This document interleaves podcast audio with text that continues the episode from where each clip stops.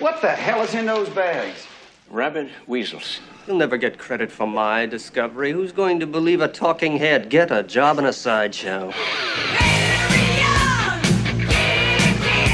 The return of the living dead. Reanimator. It will scare you to pieces.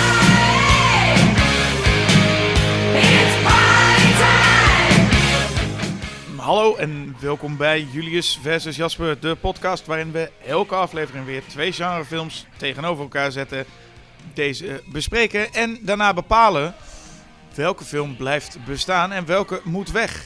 En we nemen het elk voor eh, een andere film op en eh, dat doe ik Jasper en dat doe jij Julius. Hallo. We gaan dit keer weer even naar de horror. En om nog het wat te specificeren, horror uit 1985. Twee zombie-comedies. Ja, wauw. En dat doen we met Return of the Living Dead en Reanimator. Waarbij we meteen maar even uit de doeken doen. Ik neem het op voor Reanimator en jij neemt het op voor Return of the Living Dead. Ja. Tot zover klopt het, hè? Ja, en volgens mij had dat... ver- Corrigeer me als ik me vergis, maar volgens mij had het ook andersom kunnen zijn. Ja. Nou, dat is alvast een spoiler, maar we hebben het wel over twee films die we volgens mij allebei wel enigszins waarderen. Ja, behoorlijk. Dus eh, eh, ja, verwacht eh, niet te veel een verhit debat waarbij we het echt volledig oneens zijn. Maar het zijn natuurlijk ook gewoon twee hele goede films. Ja, Maar we zullen toch zien, en dat we meestal, als ik het concept een beetje nu door heb, en dat is inmiddels wel zo, hebben we dat aan het einde even een zinnetje wijden we aan waarom de een wel, de ander niet. En verder gaan we gewoon door de films heen en zeggen we vooral wat we waarderen. In dit geval in ieder geval. Ja, maar ik vind dat we wel wat meer eh, zouden mogen vergelijken ook tijdens de besprekingen. Dat probeerde ik er altijd wel een beetje in te fietsen. Oh, dat, nou, Julius probeert dat erin te fietsen. Ik probeer wat meer ruzie op te zoeken dan, waarbij ik het echt oneens ben met je, Julius. Want Ja. dat is wat het concept om vraagt. Er zit niet voor niks versus in de titel. Ja, maar dat versus, dat betekent ook dat echt die films, dat we die films tegenover elkaar zetten, Jasper. Het moeten niet twee losse besprekingen zijn. eh, eh, en dat we dan die films eh, aan het einde even zeggen welke beter is. Dat, dat, dat, dat, dat is wel eens zo geweest. We gaan Maar ik nu hoop- verdorie veranderen. Ja, we gaan verdorie inderdaad dat veranderen. Nou, Oh. beginnen met Return of the Living Dead. Ja, daar beginnen we mee. Nou, want die kwam net iets eerder uit. Dus al even, eh, want zo beginnen we wel altijd. We beginnen even bij de film die het als eerste uitkwam. Allebei 1985. Goed jaar voor horror, zullen we maar zeggen. Ja, je zal in dat jaar geleefd hebben, zeg. Och, wat mooi. Het, is, het was maar voor mij één jaar later dat ik pas eh, de wereld het licht zag. Voor mij twee. Nou, kijk, dus dat konden we allebei niet weten. Maar we, we hebben ze gelukkig, gelukkig kan dat tegenwoordig, kun je ze gewoon nog later terugzien. Ja, op video zag ik, eh, zag ik ze allebei voor het eerst trouwens. Maar zeker Return of the Living Dead heb ik eh, heel vaak op video gekeken. Want dat is een van de films die ik van tv opgenomen had. Ehm, en het was natuurlijk een favoriet bij ja, feestjes en, eh, en, en zo. Ja, je snapt wel dat dit een favoriet is bij feestjes. Ja, Ja. Nou, even naar de ontstaansgeschiedenis wellicht. Het is nog wel interessant waarom deze film zo heet als die heet. Ja, want het is, nou ja, is het een vervolg? Eh, het heet The Return, dus je zou zeggen van wel. En het, het, het lijkt ook een beetje een vervolg op Night of the Living Dead. Ergens is dat zo en ergens ook niet. Eh, het, is, ja, het scenario is deels van eh, John Russo. John A. Russo. Heet hij inmiddels. Die, die betrokken was bij Night of the Living Dead. Die daar ook aan het scenario heeft gewerkt. Ja, als je bij Night of the Living Dead eh, betrokken bent geweest achter de schermen, dan, zou je, dan moet je een A in je midden in je naam hebben. Ja. nou, het was dus zo dat, dat George Romero mocht dan Dead houden. En hij mocht Living Dead of zo. Dat was het. George Romero had dan Dawn en Day en zo, of The Dead. En, en die had dan het concept van: oké, we gaan bepaalde momenten van de dag doen. en, eh, en Russo mocht het eh, Of the Living Dead mocht hij houden. Ja. En nou, nou vergelijk ik John Russo eh, vaak met... eh, of nou, va- ja, nou lijkt het net of ik heel vaak over John Russo praat. Dat is niet, eh, niet het geval. Maar als ik hem vergelijk, vergelijk een beetje met Kim Henkel. Die met Toby Hooper eigenlijk de Texas Chainsaw Massacre maakte. En daardoor nu echt zich, zichzelf een beetje ontpopt heeft als... Ik ben ook een belangrijk figuur in de horrorwereld. En dat deed Ja. John Russo ook. En beide hebben eigenlijk al wel laten zien dat ze eigenlijk niet zo heel veel, niet zo heel veel voorstellen. Ook al wordt er dan wel met hun naam ergens bij gekoppeld aan van de maker van. Ja. Want John Russo blijf ik altijd eh, eh, zien als die, die flapdrol die eh, eh, Night of the Living Dead onder handen heeft genomen. En, een, en toen het 30-jarig jubileum was, de scènes bij heeft geschoten. En hij was ook betrokken bij het vervolg daarop, Children of the Living Dead. Nou, het is in ieder geval geen, eh, geen goed, Ja, goed film dat zijn rampzalige dingen. Maar ik vind toch...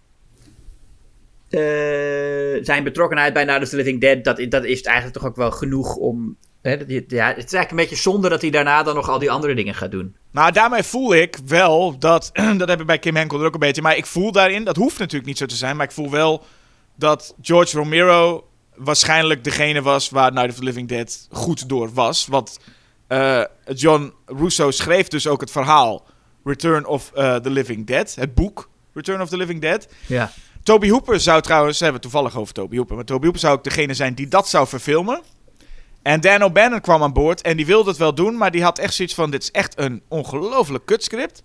En ik wil het helemaal herschrijven. En ik wil de toon volledig veranderen. Wat eigenlijk dus betekent dat we kunnen zeggen: John Russo schreef Return of the Living Dead. Ik heb het boek niet gelezen, maar het uitgaande van wat Dan O'Bannon ook over het script zei, was het gewoon een serieuze horrorfilm. Eh, gewoon in de lijn van Night of Living Dead, maar dan gewoon heel erg veel slechter. Ja. En het is Dan O'Bannon die eigenlijk heeft gezegd, hè, de, de, de wat eigenzinnige Dan O'Bannon heeft gezegd, ik wil het wel maken, maar ik maak er mijn eigen ding van. En ik geloof heel stellig dat Dan O'Bannon de, de man is die heeft gezorgd dat we de film krijgen die we nu hebben. En dat John Russo er eigenlijk geen hol mee te maken heeft, maar puur gebruikt is om, nou ja, voor de titel. Ja, dat, dat, ja, dat, ik bedoel, wie weet. Ja, we weten niet hoe het zat, maar ik, ja, dat, dat geloof ik ook wel. En als ik inderdaad kijk wat John Russo verder nog op, eh, op, op IMDb heeft staan aan credits. Gelo- dat, daar geloof ik niet dat hij dat, net als Kim Henkel, ik geloof niet dat zij ook, ze zijn betrokken geweest bij een grote film. Maar het is niet voor niks dat George A. Romero heeft de carrière gekregen, Toby Hooper heeft de carrière gekregen en deze twee eh, niet. nou, dat- John A. Russo heeft nog de, de documentaire Scream Queens Naked Christmas gemaakt. Oké, dat is dan wel, oké, De vooruit. plotbeschrijving: Scream Queens celebrate Christmas with no clothes on. Documentary staat er dan nog achter. nou, dat je het weet inderdaad. En we weten van Dan O'Bannon ook wat hij eh, kan. En wat hij heeft gedaan. ja, Alien. Alien inderdaad. Dus ik, ik, ik heb wel, eh, ik, ik zet mijn geld op eh O'Bannon hier. Ik Ja, zet nee, mijn goed, geld- tuurlijk, ja. En dat, ja, het feit dat dat ook herschreven is, is natuurlijk heel fijn. Want dat is waarom Return of the Living Dead nu zo bekend is geworden. Waarom het zo'n goede film is, maar ook bekend is geworden. Het is een hilarische film. En waar George Romero met zijn Dawn of the Dead juist doorging op de ja, serieuzere tour. Ja, Return of the Living Dead begint al met een van de beste, eh, eh, hoe noem je dat, tekstkaartjes, di- disclaimers of zo, die in beeld verschijnen. Aan het- de film, het eerste wat je ziet is de tekst. The events portrayed in this film are all true. The names are real names of real people and real organizations. Dus wij normaal gesproken bij een film die dan zegt op waar gebeurde incidenten gebaseerd te zijn, dat er nog bij staat, we hebben wel de namen veranderd. Doet Return of the Living Dead? Nee, dit is gewoon allemaal echt en letterlijk zo gegaan. En die mensen heten ook allemaal echt zo. Het is precies zo gebeurd. Ja, Eh, nou, dan weet je al dat het natuurlijk met een flinke knipoog eh, gebracht wordt. En, en dat is ook zo, maar niet, ook weer niet zo erg dat het nooit... eh, het, is, het, is, het, is, ja, het, is, het, is, niet- het is niet de malligheid van Braindead of zo. Nee, maar het is wel zo dat hij, eh, oh, omdat je ook zei van is het een vervolg? Ehm, niet voor niks wordt er in deze film nog gerefereerd naar Night of Living Dead, de film. Ja, want die film die, die zou dus ook gebaseerd zijn op werkelijke incidenten. Maar dat hebben ze dan wel allemaal veranderd. Ja. Wat er eigenlijk gebeurd is, is dat in 1969 zeggen ze, wat raar is, want dat is één jaar nadat Night of the Living Dead verscheen. Maar toen zouden er eh, experimenten geweest zijn waarbij lijken tot leven kwamen.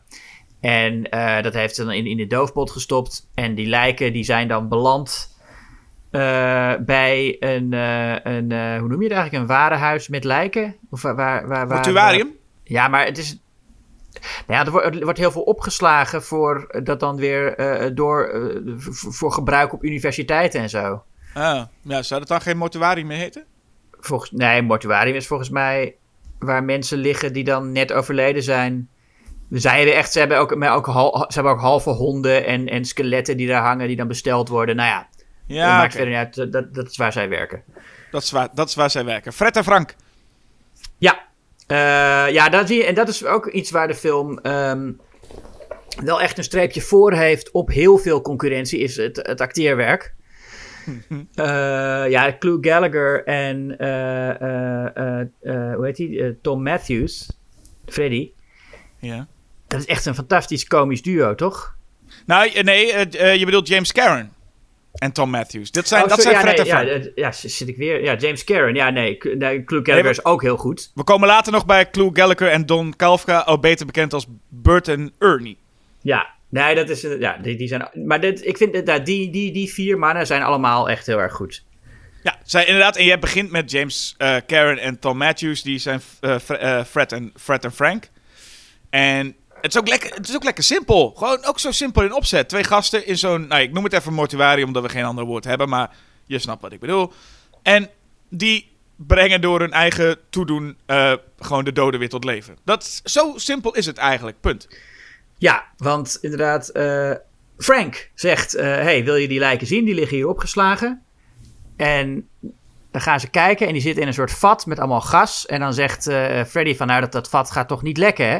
En dan zegt Frank, nee joh, dit is eh, US Army. En dan geeft hij er een klap tegenaan en dan spuit meteen al het gas eruit. Ja. Wat al, ook al meteen een beetje de toon zet voor de eh, ja, anti-leger, een beetje cynische, satirische grappen die erin zitten. Ja. Ehm, en dan krijgen ze al het gas. En ja, dan, dan leven de doden weer. En ehm, Zij, worden, eigenlijk, zij ademen dat in en worden dan ziek. Ja, en, maar eh, zij worden ziek. En dan, maar dat, dat staat eerst even op een laag pitje. Want ze merken wel dat alles in, in, in die plek waar ze werken tot leven komt. Dus ook de gehalveerde honden en de, de vlinders die op een, eh, op, een, op een doek gepind zijn, beginnen weer te fladderen. Ja, dat vond ik ook een heel leuk shot. Gewoon dat hele simpele van die vlinders die dan zo allemaal nog even met hun vleugels aan het fladderen Ja. zijn op zo'n eh, op zo'n op zo'n plakkaat. Ja. Ja, dat is leuk. Alles komt weer tot leven. eh, en dus ook de lijken die daar liggen. En het is niet zoals in Night of the Living Dead dat je ze door de kop moet schieten of de hersens moet vernietigen. Maar deze zijn echt, als je, als je de armen afhakt, blijven die armen nog eh, rond eh, spartelen. Ook iets wat we in, in, in Brain Dead, je noemde het al, ook zo'n een, een, een zombie comedy waarbij dat heel erg gebruikt werd. Met dat hoe ver je ze ook afhakt, het blijft nog leven en bewegen. Ja. En dat, ik vind het zo mooi, de, de, de serieuze paniek waarmee ze daarop reageren. Hè? Dat ze dus uiteindelijk, nou, nou wordt, dan wordt Clue Gallagher er wel bij gehaald, Bert. Ehm, en dan gaan ze met z'n drieën, proberen ze zo die naakte gele man Ja. eh, eh, eh, te, uit te schakelen. En dat gaat met gewoon echt goed gespeelde paniek. En het is, het, is niet, het is niet over de top grappig gespeeld. Het is best wel realistisch, maar het is natuurlijk wel heel grappig. Omdat ze Ja. zo door elkaar lopen te schreeuwen. En ze zeggen van ja, dit, dit werkte toch in de film. Maar ja, nu werkt het niet. Nee, er is wat dat betreft wel paniek. Je zou kunnen voorstellen dat heel veel horrorcomedies ook juist gebruik maken van een soort van stoïcijnse reactie op zulke dingen. En dat kan ook grappig zijn. Hier zijn ze wel volledig over de top, maar het is het gekibbel onderling wat komisch wordt. Het, hoe, hoe deze mannen proberen logisch na te denken met wat moeten we dan doen, wat moeten we nu doen. Ook al zit je in een hele absurde situatie. Ja. Ja. En dan duurt het nog best een tijd voordat ze uiteindelijk ertoe komen. ehm, want wa- waardoor uiteindelijk alle doden tot leven gewekt worden, is dat ze, ze gaan dit, dat lijk verbranden in het crematorium. Van, Van eh, Don Calva. Ja, eh, Ernie. Ja. Eh, en, en dan door, door al die rook. En dan gaat het regenen en het valt door die rook heen. En dat valt op het kerkhof. En daardoor kruipen de doden tot leven. Maar dan zijn we al bijna een uur in de film tegen de tijd dat dat gebeurt.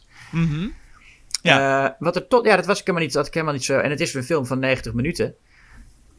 Eh, ik had nooit echt in de gaten dat het zo lang duurde. Want het, het, maar er gebeurt heel veel. In, eh, ik bedoel, niet dat het een enorme plot-heavy film is. Maar je wordt wel, het, is, het is, er zit niks in wat, wat er eh, niet in zou moeten zitten tot die tijd. Nee, het, het beweegt lekker. Het gaat lekker, Ja. lekker vlot overal doorheen.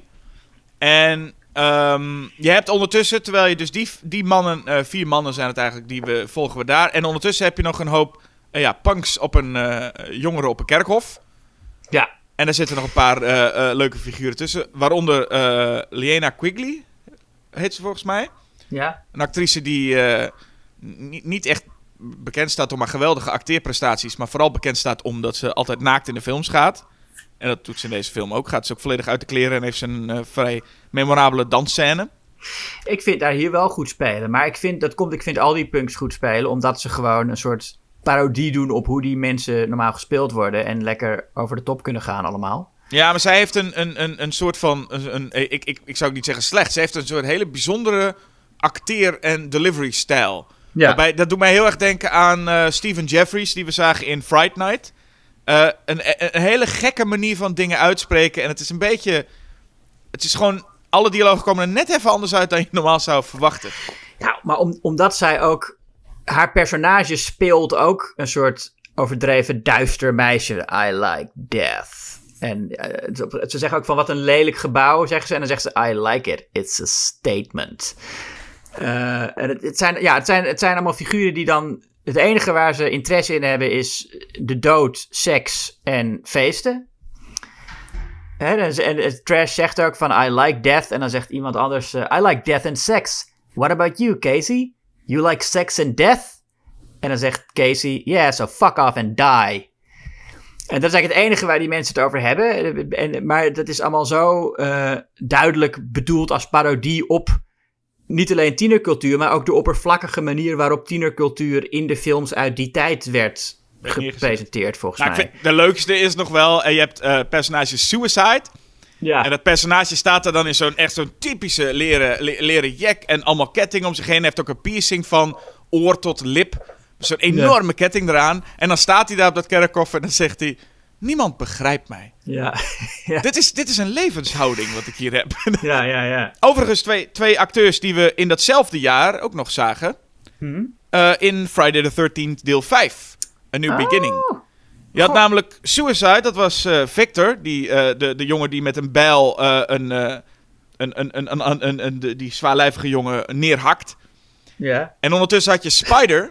En Spider is, zat datzelfde jaar op de play van in Friday Ah. the 13th 5. Zat hij Oh baby, baby, baby te zingen.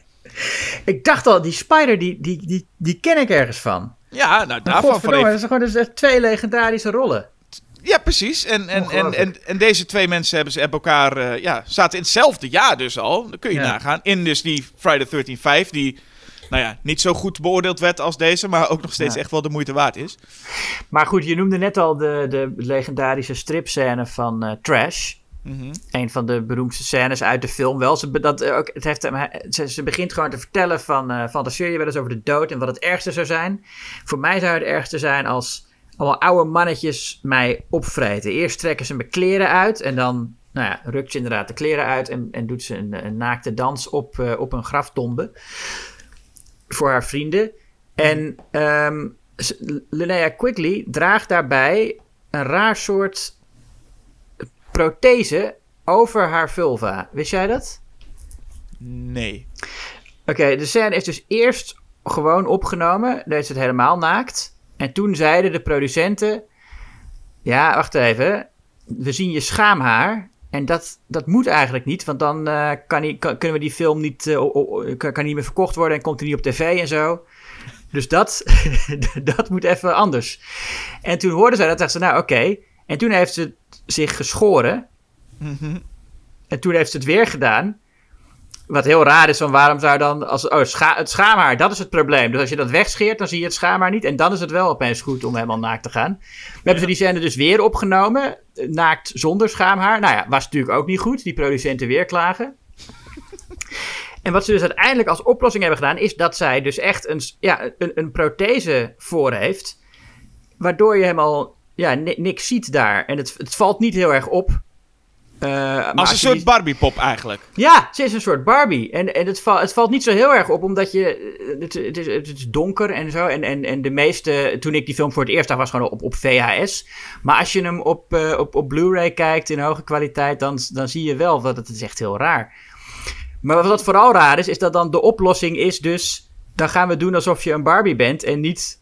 Dan hou je gewoon je onderbroek aan. Wat, dat had natuurlijk ook gekund. Maar dus, dus dit was acceptabel. Nou ja, dit, dit, vonden, dit vonden ze blijkbaar acceptabel. Ja, het is een heel raar verhaal. Ja, nou ja, ik, ik, ik, ik ik geloof het wel, laat ik het zo zeggen. Maar dat Ja. heeft meer te maken met de rare regels van überhaupt die... eh, en de producenten en de MPAA, dat dat eh, alle kanten opschiet met wat wel en niet mag. Ja.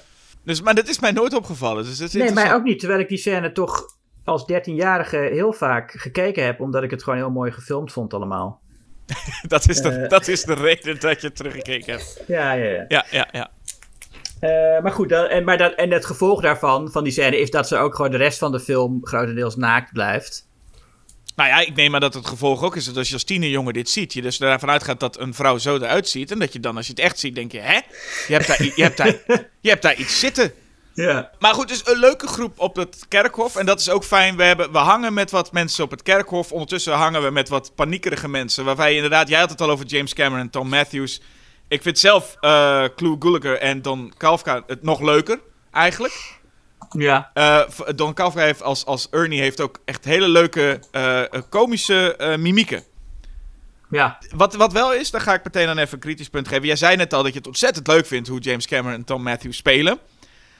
Ehm, en misschien is het, ik heb het vaker. Ik heb nu het idee als ik steeds over films praat, dat ik vaak denk dat als er te veel geschreeuwd wordt, ik af en toe denk, hou even op. En, Oh, ik vind het heerlijk. ja, ik snap het. Alleen ik, misschien, is het, misschien ligt het wel bij mij. Maar het, misschien is het, dat ik, ik had nu wel af en toe zoveel prikkels dat ik dacht, oh, het wordt wel echt heel heftig. Hoe enorm zij schreeuwen en gillen en, en zo... Nou ja, je zegt niet over de top, maar in dit geval wel over de top gaan. Wat betreft dat, dat geschreeuw van die Ja, twee. het- het- ze, ze acteren niet overdreven in die zin dat als het echt zo zou zijn, zou je ook zo doen. Nou, zeg, nee, maar ik vind, kijk, James, James Cameron, die gaat echt, die gaat echt als, als, een, als een kleuter janken de hele tijd. Die gaat heel, heel komisch Ja? janken. Nee, maar, ja, maar goed, hij, hij, hij, hij- hij- die jongen is in de war, hij is dood. Nee, dat, ja, dat wel. Nee, maar daarvoor ook al, hè. Daarvoor, je ziet James Cameron is volgens mij al vrij snel, misschien nog eerder dan Tom. Matthews, is James Cameron wel meteen heel erg aan het huilen met wat moeten we nu doen. Het is niet, Ja. het, het is een typetje. Nou, Maar- maar, ja, maar, ja, maar daar schrik je toch van als zoiets gebeurt, Jasper? Ik, vind, ik, ik, weet, ik weet niet hoe ik zou zijn in die situatie. Je weet niet hoe je zou zijn in die situatie. Eh, nee, maar ik sluit niet uit dat ik ook zo zou doen. Oké, akkoord. Ik hoop dat ik meer als Bird ben. Ja, dat hopen we allemaal. We hopen allemaal dat we iets meer als Clue Gulliker zijn Ja. in, eh, in zo'n situatie. Wat trouwens wel grappig is, en ook wel irritant is. eh, beide personages, James Cameron, of niet personage dus, maar beide acteurs, James Cameron en Tom Matthews, zitten ook in het vervolg. eh, Return of the Living Dead 2. Ja. En spelen ze dus hele andere personages, maar wel waar ze precies hetzelfde met hen gebeurt. ja. En daarin schreeuwen ze nog meer. En het is wel, eh, ik, ik, ik wil niet zeggen dat het als de Ghoulies moet voelen voor jou ook. En, en, en, en, maar het is wel zoveel geschreeuw dat je af en toe wel denkt, ah, even één tandje minder kan wel. Ja, deel 2 heb ik één keer gezien, ook eh, in, in mijn tienerjaren. En ik weet nog dat ik daar, dat ik daar niks aan vond. En voor mij is dat ook, eh, hoef je die ook niet meer te zien. Nou, ik vond, die, ik vond hem altijd heel erg leuk. Oh. alleen ik heb hem laatst dus herzien. Wat ik laatst met de Goonies trouwens ook gedaan heb, laatst herzien. En eh, toen ook wel echt dacht, oh man, ik word helemaal knettergek.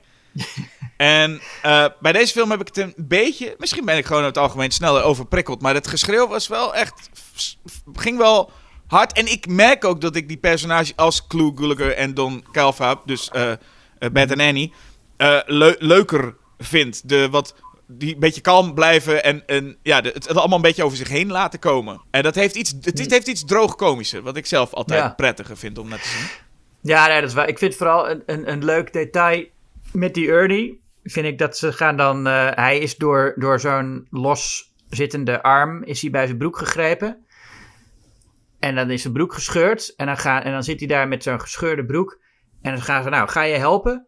En dan gaat hij eerst zo met een schaartje. Knipt hij zo die broekspijp los van zichzelf. En dan gooit hij weg. En dan zegt hij zo.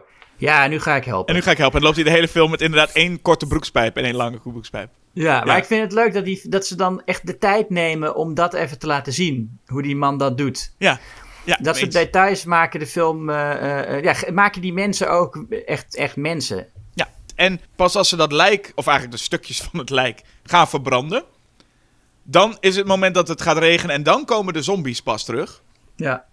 En dit zijn toch andere zombies dan we kennen. Hoewel het stereotypebeeld wat inmiddels ontstaan is, of niet inmiddels meer, maar een tijd lang ontstaan is, wat in films en series werd gedaan, is dat zombies Als iemand zei, oh, er is een zombie, dan wat men dan deed is dan armen recht vooruit, hè, want dat is dan een beetje zoals het monster van Frankenstein.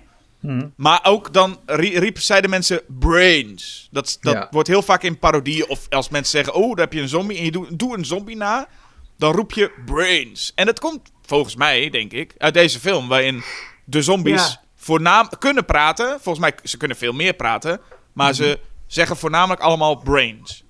Ja, dat is, eh, eh, dit is voor mij de enige film waarin dat echt gebeurt die niet een parodie is op het, eh, op, op, op het genre. Hm. Ehm, en dit, dit is natuurlijk ook wel een komische film, maar dit is, eigenlijk- dit is voor mij de enige film waarin ik die zombies echt heb gezien. Ja, en, die, en de zombies kunnen dus, ah, kunnen dus meer praten. En dat levert ook hele leuke dingen op. Want het is een van de leukste dingen in deze film... is dat het feit dat zombies eh, meer eh, ambulancebroeders bestelt.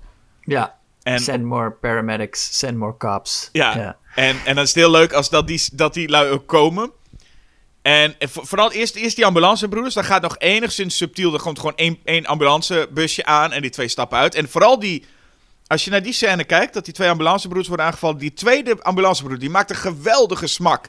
Als hij Ja. door die zombies wordt overspoeld.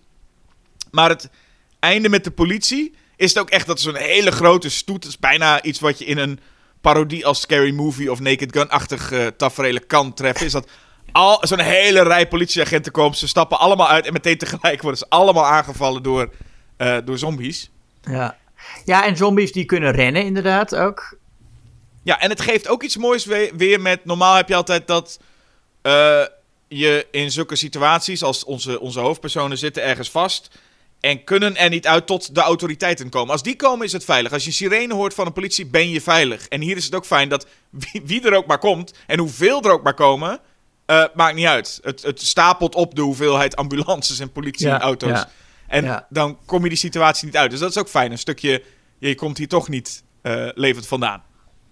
Ja, nee, want die zombies die zijn eh, ook zo'n stuk slimmer hè, dan de, de gebruikelijke zombies. Ehm, ze zetten vallen, ze lokken mensen in de val, ze verstoppen zich en dan komt er iemand en dan rennen ze er allemaal op af. En dan, en dan werken ze ook echt goed samen. Dat is ook iets wat, kijk, de meeste zombiefilms gaan natuurlijk, Jasper, wist je dat? Eigenlijk over mensen. Wist je dat? Wat? Ja. Eh, maar hier is het interessant dat die zombies dus een- eh, allemaal, heel, allemaal echt met z'n allen als eenheid allemaal plannetjes smeden en uitvoeren. Terwijl die mensen, ja, die rennen maar wat rond en die, en die weten niet wat ze moeten en zijn bang om samen te werken. En uiteindelijk is de oplossing dat alles gewoon opgeblazen wordt. Ja, en ik moet ook zeggen, ik, eh, los van het praten, het rennen is ook sowieso discutabel misschien. Maar wat, wat het punt dat, wat Romero volgens mij vooral heeft ingezet met schietsen door de hersenen, dat is eigenlijk dodelijk saai als je er goed bij nadenkt. Daar heb ik eigenlijk nooit zo echt bij stilgestaan. Maar als je zo'n film als dit ziet, denk je, hè, neem, neem iets als nou, The Walking Dead, ik noem maar wat. Dat is dan allemaal duidelijk, de regels is, schiet ze door het hoofd of prik ze zelfs Ja. met, een, met een klein mesje in het hoofd en ze zijn al dood. En het idee is ook, ja, maar je hebt die levende doden. Is het dan niet veel toffer wat je hier krijgt? Is dat een arm afgehakt, dat arm nog steeds, dat, dat de hand nog steeds een probleem is? Ja. Dat is eigenlijk veel interessanter. En het is eigenlijk bijna gek dat eh, voornamelijk eh, dat de meeste zombiefilms eigenlijk dat hele tafereel overgenomen hebben van één beetje beschadiging aan de hersenen is al genoeg. Ja, omdat het, ook, omdat het ook natuurlijk al snel komisch wordt als je met losse lichaamsdelen gaat werken. Ja, maar tegelijkertijd kun je ongetwijfeld ook iets bedenken waardoor het gevaarlijker wordt. Ja, tuurlijk. Is net als dat mensen ooit bedacht hebben van nee, zombies mogen niet rennen. Maar als je nu een paar films ziet waarin zombies rennen, denk je, tering, dit is eigenlijk veel gevaarlijker en veel enger dan die trage lui. Maar- Ja, ik weet niet of het per se enger is om, om, om dat te zien. Want je hebt toch, ja, zo- zo'n menigte traaglopende zombies heeft ook wel iets dreigenders dan al die rennende gasten. Nou, ik weet niet of het dreigend is. Kijk, inderdaad- menigte is dreigend. Maar op het moment dat jij Ja. wegrent en die menigte draait zich heel langzaam om en schuifelt achter je aan, dan heb ik toch dat allemaal liever dan de zombies die het ook op het sprinten kunnen zetten en je gewoon Ja, meteen... nee, het, is, het, is, het is gevaarlijker voor de mensen. Maar is het ook, is het, bedoel, Michael Myers is ook niet enger als hij gaat rennen. Dat is, het- dat is ook als hij, als hij rustig aandoet. Want hij weet dat, dat, dat, dat, dat hij er toch wel komt. Het is, en het is ook cooler om te zien. Het ziet er cooler uit. Ik vind ook de Ja. gedachte, en dat is natuurlijk wat Romero ook deed. eh, zombies die zijn natuurlijk stijf en kunnen niet echt goed bewegen en daarom lopen ze zo raar. Maar het feit dat je best wel kan, en er zijn een paar van die regels. Schiet ze door het hoofd, dan gaan ze dood en ze kunnen niet rennen. Terwijl je eigenlijk denkt, als ik dan films zie waarin dat wel gebeurt, dan denk ik, dat is eigenlijk wel goede, zijn goede toevoegingen. Ja, nee, tuurlijk. Nee, maar dat, dat werkt dan voor die films. Ik zou niet willen dat ze in, in Night of the Living Dead eh, rondrenden. Dat, Nee, dat- maar, dat zou maar als je even kijkt naar het gros van zombiefilms die daarna is gekomen, sinds Night of the Living Dead, durf ik bijna wel te beweren dat 90% die regels van Romero zo ongeveer over heeft genomen. En Ja. ik vind de dingen die ik bij Brain Dead kan ik me nou bedenken en, en eh, eh, Return of the Living Dead en Reanimator ook, eh, zijn films waarbij lichaamsdelen ook bijvoorbeeld ook dodelijk kunnen zijn. Weliswaar noem ik nu ook drie inderdaad horror comedies, dus het kan inderdaad vaak op geestige manier gebruikt worden. Ja. Ik vraag me af of er, misschien bestaan die wel geestige of eh, niet geestige horrorfilms waarbij zombies ook hun ledematen nog leven. Ik zou er zo gauw geen kunnen bedenken. Nee, ik ook niet. Maar goed, dat wou ik even zeggen. Ik merk nu gewoon hoe saai ik het eigenlijk vind dat nu elke Ja. keer bij zombiefilms gewoon één schot tussen de, tussen de ogen en ze, ze vallen neer. Ik denk ja, Kan, eh, dat kan ik ook. dat kan ik ook. Precies, dat Ja. ik ook. En wat ik hier ook interessant aan vind is, we krijgen op een gegeven moment ook een interview met een halve zombie. En Ja, dat is ook een sterke scène waarbij je eigenlijk ergens... Het is ook wel ontroerend of zo. En, en, en, en wel... Nou ja, het maakt, het maakt het aan de ene kant. De film is natuurlijk. Het is een, een, een, een partyfilm. Eh, dat is een beetje de, de, de, de levenshouding van die film. En er zit ook veel eh, rockmuziek in. En gezellige feestmuziek. En het einde is grappig. Maar tegelijkertijd is het ook een van de meest. eh, duistere en meest diepe angstaanjagende zombiefilms. Want die vrouw, die zombie, die legt dan uit waarom zij hersenen eten. Want dat eh, doodga, dood zijn en dan weer tot leven komen, dat doet zoveel pijn. En ze voelt zichzelf rotten. En het eten van hersenen, dat, dat haalt die pijn een beetje weg. En dan ligt ze er, ja, en dan, en dan denk je, nou, ik, ik begrijp het ook wel. Ja, maar moet je dat, dat gewoon dat, die tekst, als je dat zo even dat je in laat werken, dat iemand inderdaad zegt, het dood zijn doet pijn. Dan denk je, oeh, Ja, dat is je wat. Daar denk je dan helemaal niet bij na. Dat heb je pas als zombies inderdaad kunnen praten. Je hebt bij deze ook. Ergens zie je, zit je naar een leuke pop te kijken. Die zo geanimeerd Hmm. eh, eh, wordt dat die ja, ook een beetje kan praten. Het heeft ook iets komisch. Maar als je dan goed luistert naar wat die, dat die, die pop zegt. Van ja, het, het dood zijn doet pijn. denk je wel, dat is wel... Inderdaad, wat je zegt, wel duister. Ja en ja, dan sowieso. Ja, en, eh, ik- en het, is, het is echt een heel mooie pop, moet ik trouwens ook nog even zeggen. Vooral dat de, de ruggengraat ook nog zo ligt te spartelen. Als een soort staart en zo dan- beweegt, ja. hè? Ja. Ja, dat is echt een heel mooi detail. Ehm, maar ja, da- en, ja, dat. En dan is het, nou ja, het- kijk, het is natuurlijk ook echt het cynisme van. Ja, bij, ik bedoel, Night of the Living Dead was natuurlijk al heel cynisch. En eindigde dan mee dat eh, eh, een soort vigilante groepen al die, al die zombies eh, afknallen. En daarbij ook een hoop mensen die geen zombies zijn, wordt gesuggereerd. Ehm, en ja, Return of the Living Dead doet daar nog een schep bovenop. Wat het aan de ene kant grappig maakt. Maar, ook, maar nog, nog steeds ook heel nihilistisch. Namelijk dat uiteindelijk het leger erbij betrokken wordt. En gewoon om hun eigen fout uit te wissen. eh, dat hele stadje opblaast. Ja, hoewel ik wel voel dat de aanpak hier volledig komisch is. Omdat het wel heel erg een soort van, nou ja... Ja, natuurlijk is het komisch. Maar het, het, het, is, het is komt een- letterlijk en figuurlijk wel uit de lucht vallen. We zien wel steeds kleine momentjes met die man van het leger... die af en toe thuis is, gewoon. Ja, Eh, met je vrouw. met zijn vrouw. Daar zijn momentjes dat je dat even ziet. Maar het is wel echt dat, dat als die bom er is het wel echt zo'n iedereen is dood einde uitgangspunt. Even zo'n fluit, fluitje Ja. hoor je ze kijken en boem. En iedereen is weg. Ja, nee, en natuurlijk is dat een grap. Maar het is ook heel cynisch. Ja, En, en, en, en nihilistisch. En, en zeker omdat het ook nog eens op Independence Day gebeurt. Dat is ook geen toeval. Dat ze echt benadrukken dat het eh, eh, 4 juli is. De grote nationalistische feestdag in Amerika. met alle, alle personages die we in principe hebben leren kennen. Waar we de hele tijd denken wie gaat het overleven en wie niet. Maar dat maakt eigenlijk geen hol uit. Ja, precies. Want ook Beth en Annie zijn, eh, zijn dood. Ja, eh, en even kijken. Frank heeft... Nou, dat is ook mooi, toch? Dat Frank besluit eh euthanasie te doen. Zichzelf te cremeren. Ja, want Frank Ja. en Freddy zijn dus allebei... Die hebben dat gas ingeademd en die zijn dan dood. En nou, ik, ik vind dat dus heel leuk. Al dat geschreeuw en de wanhoop daarvan. En ik vind het zowel grappig als toch wel angstaanjagend. Die gedachte van, ja... ik ben nu dood, maar ik ben me nog bewust. En, maar ik, ik voel dat ik dood ga. En ze worden ook steeds zieker en het doet heel veel pijn. En ze kunnen zich nauwelijks meer bewegen. En het is, ja, het is, het is echt het is heel tragisch. Maar omdat het als, als, als, ook, ook deels als slapstick gebracht wordt, wordt het ook grappig. Terwijl je nooit het gewicht vergeet van de ellende. En als, ja, als die Frank dan uiteindelijk besluit zichzelf in dat crematorium eh, zo die, die oven in te schuiven. En eerst nog even zijn trouwring een kusje geeft. Ja, Ja, dat is, het is natuurlijk kitsch, maar het, is ook, het, het werkt ook wel heel goed. Nee, en dat heeft dan te maken, vind ik dan ook wel weer fijn, dat dat inderdaad James Karen eigenlijk de hele tijd een beetje, eh, voor mij dus wel wat over de top aan het jammeren en zo is. Tuurlijk, de pijn, snap ik wel, maar hij is, hij is een beetje als karikatuur aan het, aan het jammeren en zo. Maar dan door zichzelf toch al jammerend en, en piepend, maar dan op dat plateautje te schuiven, zichzelf in, dat, in, dat, in die oven te schuiven. Dat had wel een heel mooi dubbel beeld. Dat ergens het inderdaad ook heel geestig is. Gewoon man, eh, zelfdoding door, cre- door crematie. Maar het is inderdaad ook wel heel naar en, en, en dat je jezelf in die oven gooit en aanzet. Van een Ja. mooie scène wel. Ja, zeker. Tom Matthews gaat er niet aan, geloof ik. Hè? Die blijft als een bezetene achter zijn vriendin aan rennen. Ja, nee, die, en dat, dat, dat is het laatste shot wat je ziet dat hij zo op zolder binnenbreekt en roept dat hij die hersens wil eten. En dan eh, bevriest het beeld en, en ontploft alles. En dan ploft alles en is iedereen, iedereen dus dood. Met nog natuurlijk het extra dingetje eraan vast. Eh, met niet alleen dat iedereen daarin nog dood is, maar vervolgens een enorme rookwolk. En dan gaat het weer regenen en komt alles weer op de grond. Dus eigenlijk gaat het zich nog wel herhalen. Ja, dat, en dat is de wereld waarin we nu leven, want deze film is, het is allemaal waar gebeurd. Ja.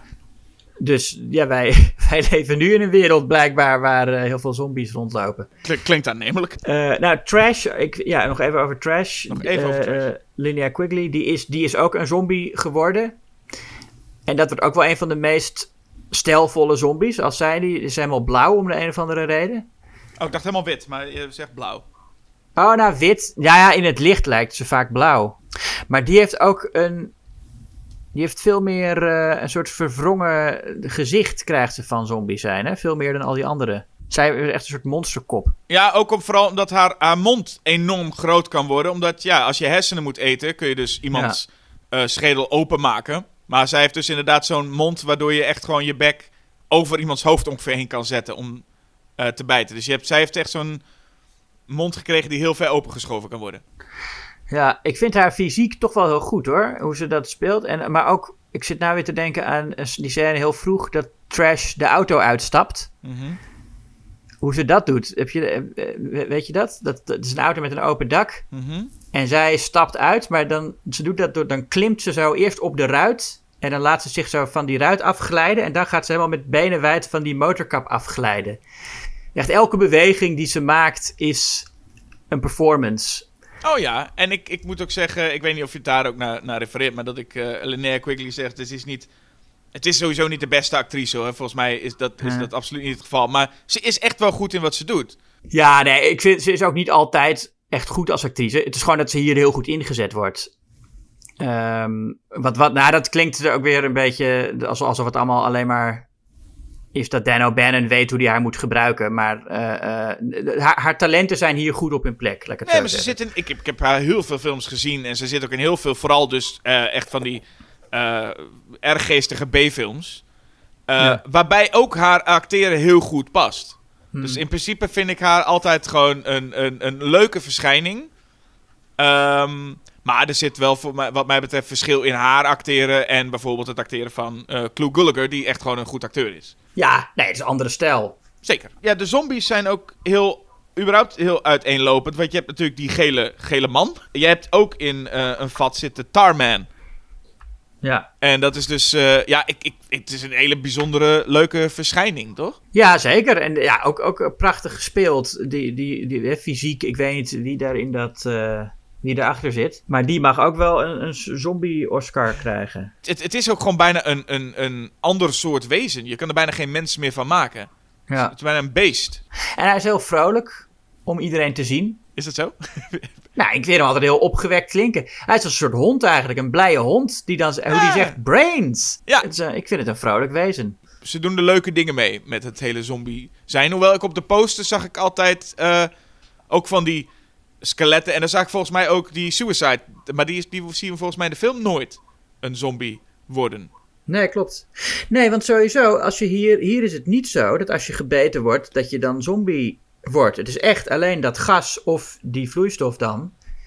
Want de mensen die wie de hersenen gegeten worden, die zien we in elk geval niet echt zombies worden, volgens mij. Linnea Quigley is dus een zombie geworden. Maar is dat... Of... Ja, maar die heeft dan ook weer in die regen nog. Oh, ja, want... Of, of niet? Ja, nee, want- dat is. Zo, ja. Maar het is wel dat de regen iets met ze doet. Want zij zegt hele tijd ook, mijn huid doet zo'n zo'n ja, pijn. nee, precies. Zij, zij was al beregend en. Nou ja, ik, weet- ik weet het niet. Misschien is het ook wel zo dat iedereen die dood is een zombie wordt opeens. Dat, dat, eh, Ja, dat is ook weer een ding dat ik vind dat met die, die hele zombie... eh, het, het hele idee van je wordt gebeten en dan word je een zombie... is ook altijd een beetje warrig in heel veel films.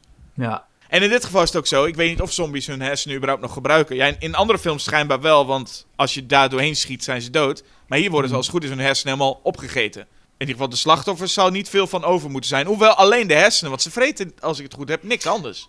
Nee, dat, dat, zegt, dat zegt die ene zombie ook. Not people, brains. Ja, ik vind het een mooi clubje bij elkaar. Maar ik vind wel dat het tijd is om nu naar een ander goed clubje bij elkaar te gaan.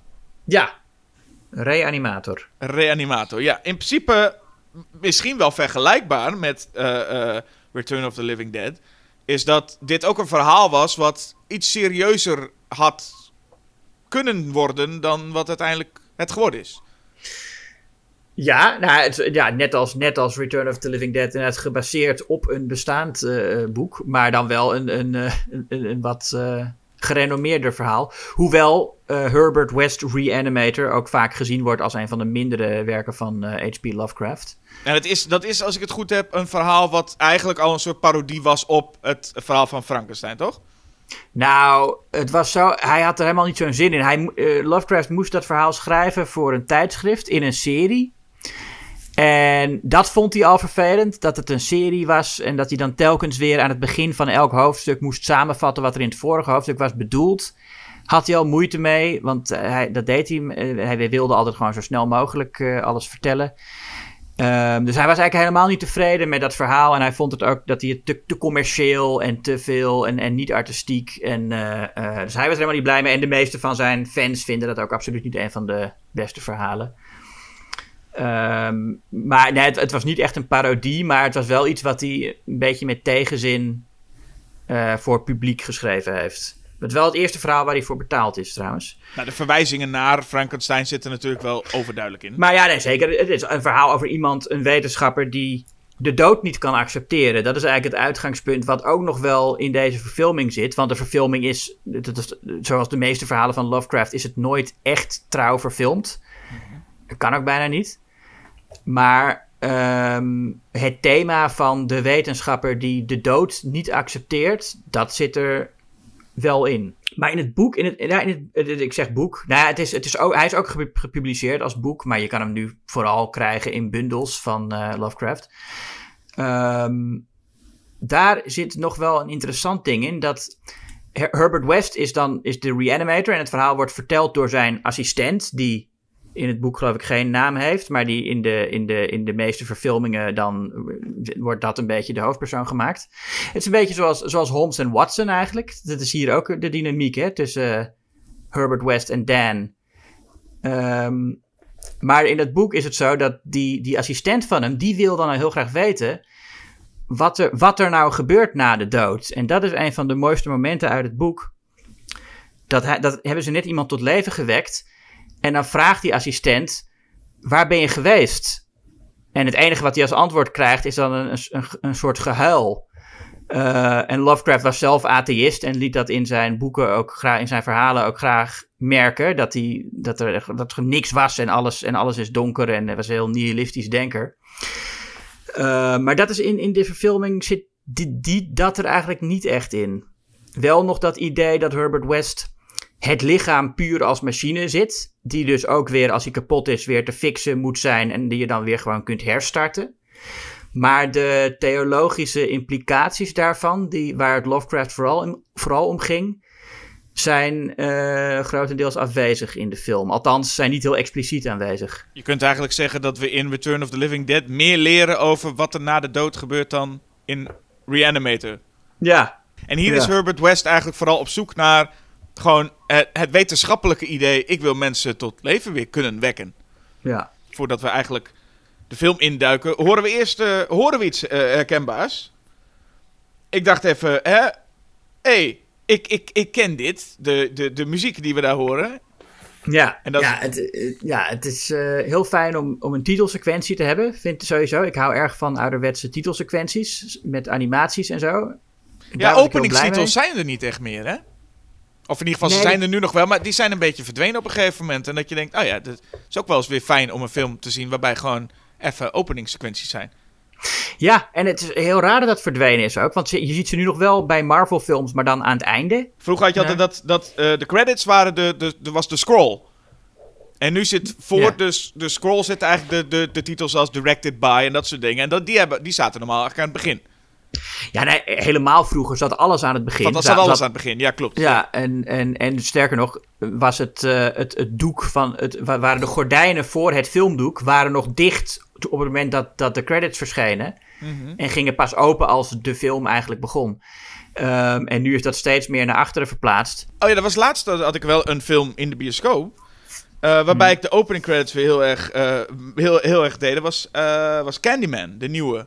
Oh ja, Er waren, ja, zo'n, ja. er waren scènes en er waren die, die allemaal van die gebouwen op, op de kop gefilmd. En ik kreeg echt een heel soort van.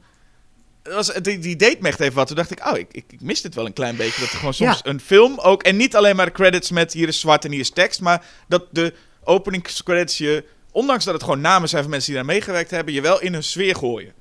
Ja, nee, ik vond, het, ik vond het zo lekker toen ik Candyman zag, inderdaad. En ja, ook, eh, dat is ook eh, een van de belangrijkste redenen dat ik nog naar James Bond films ga, is om die eh, credits te zien.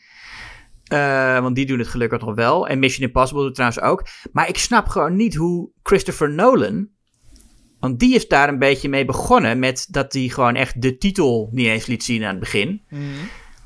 En hij heeft dat echt populair gemaakt. Terwijl hij zo eh, is van, van, eh, eh, van een beetje met ouderwetse middelen en, en praktische effecten en, en alles op film schieten en niet digitaal.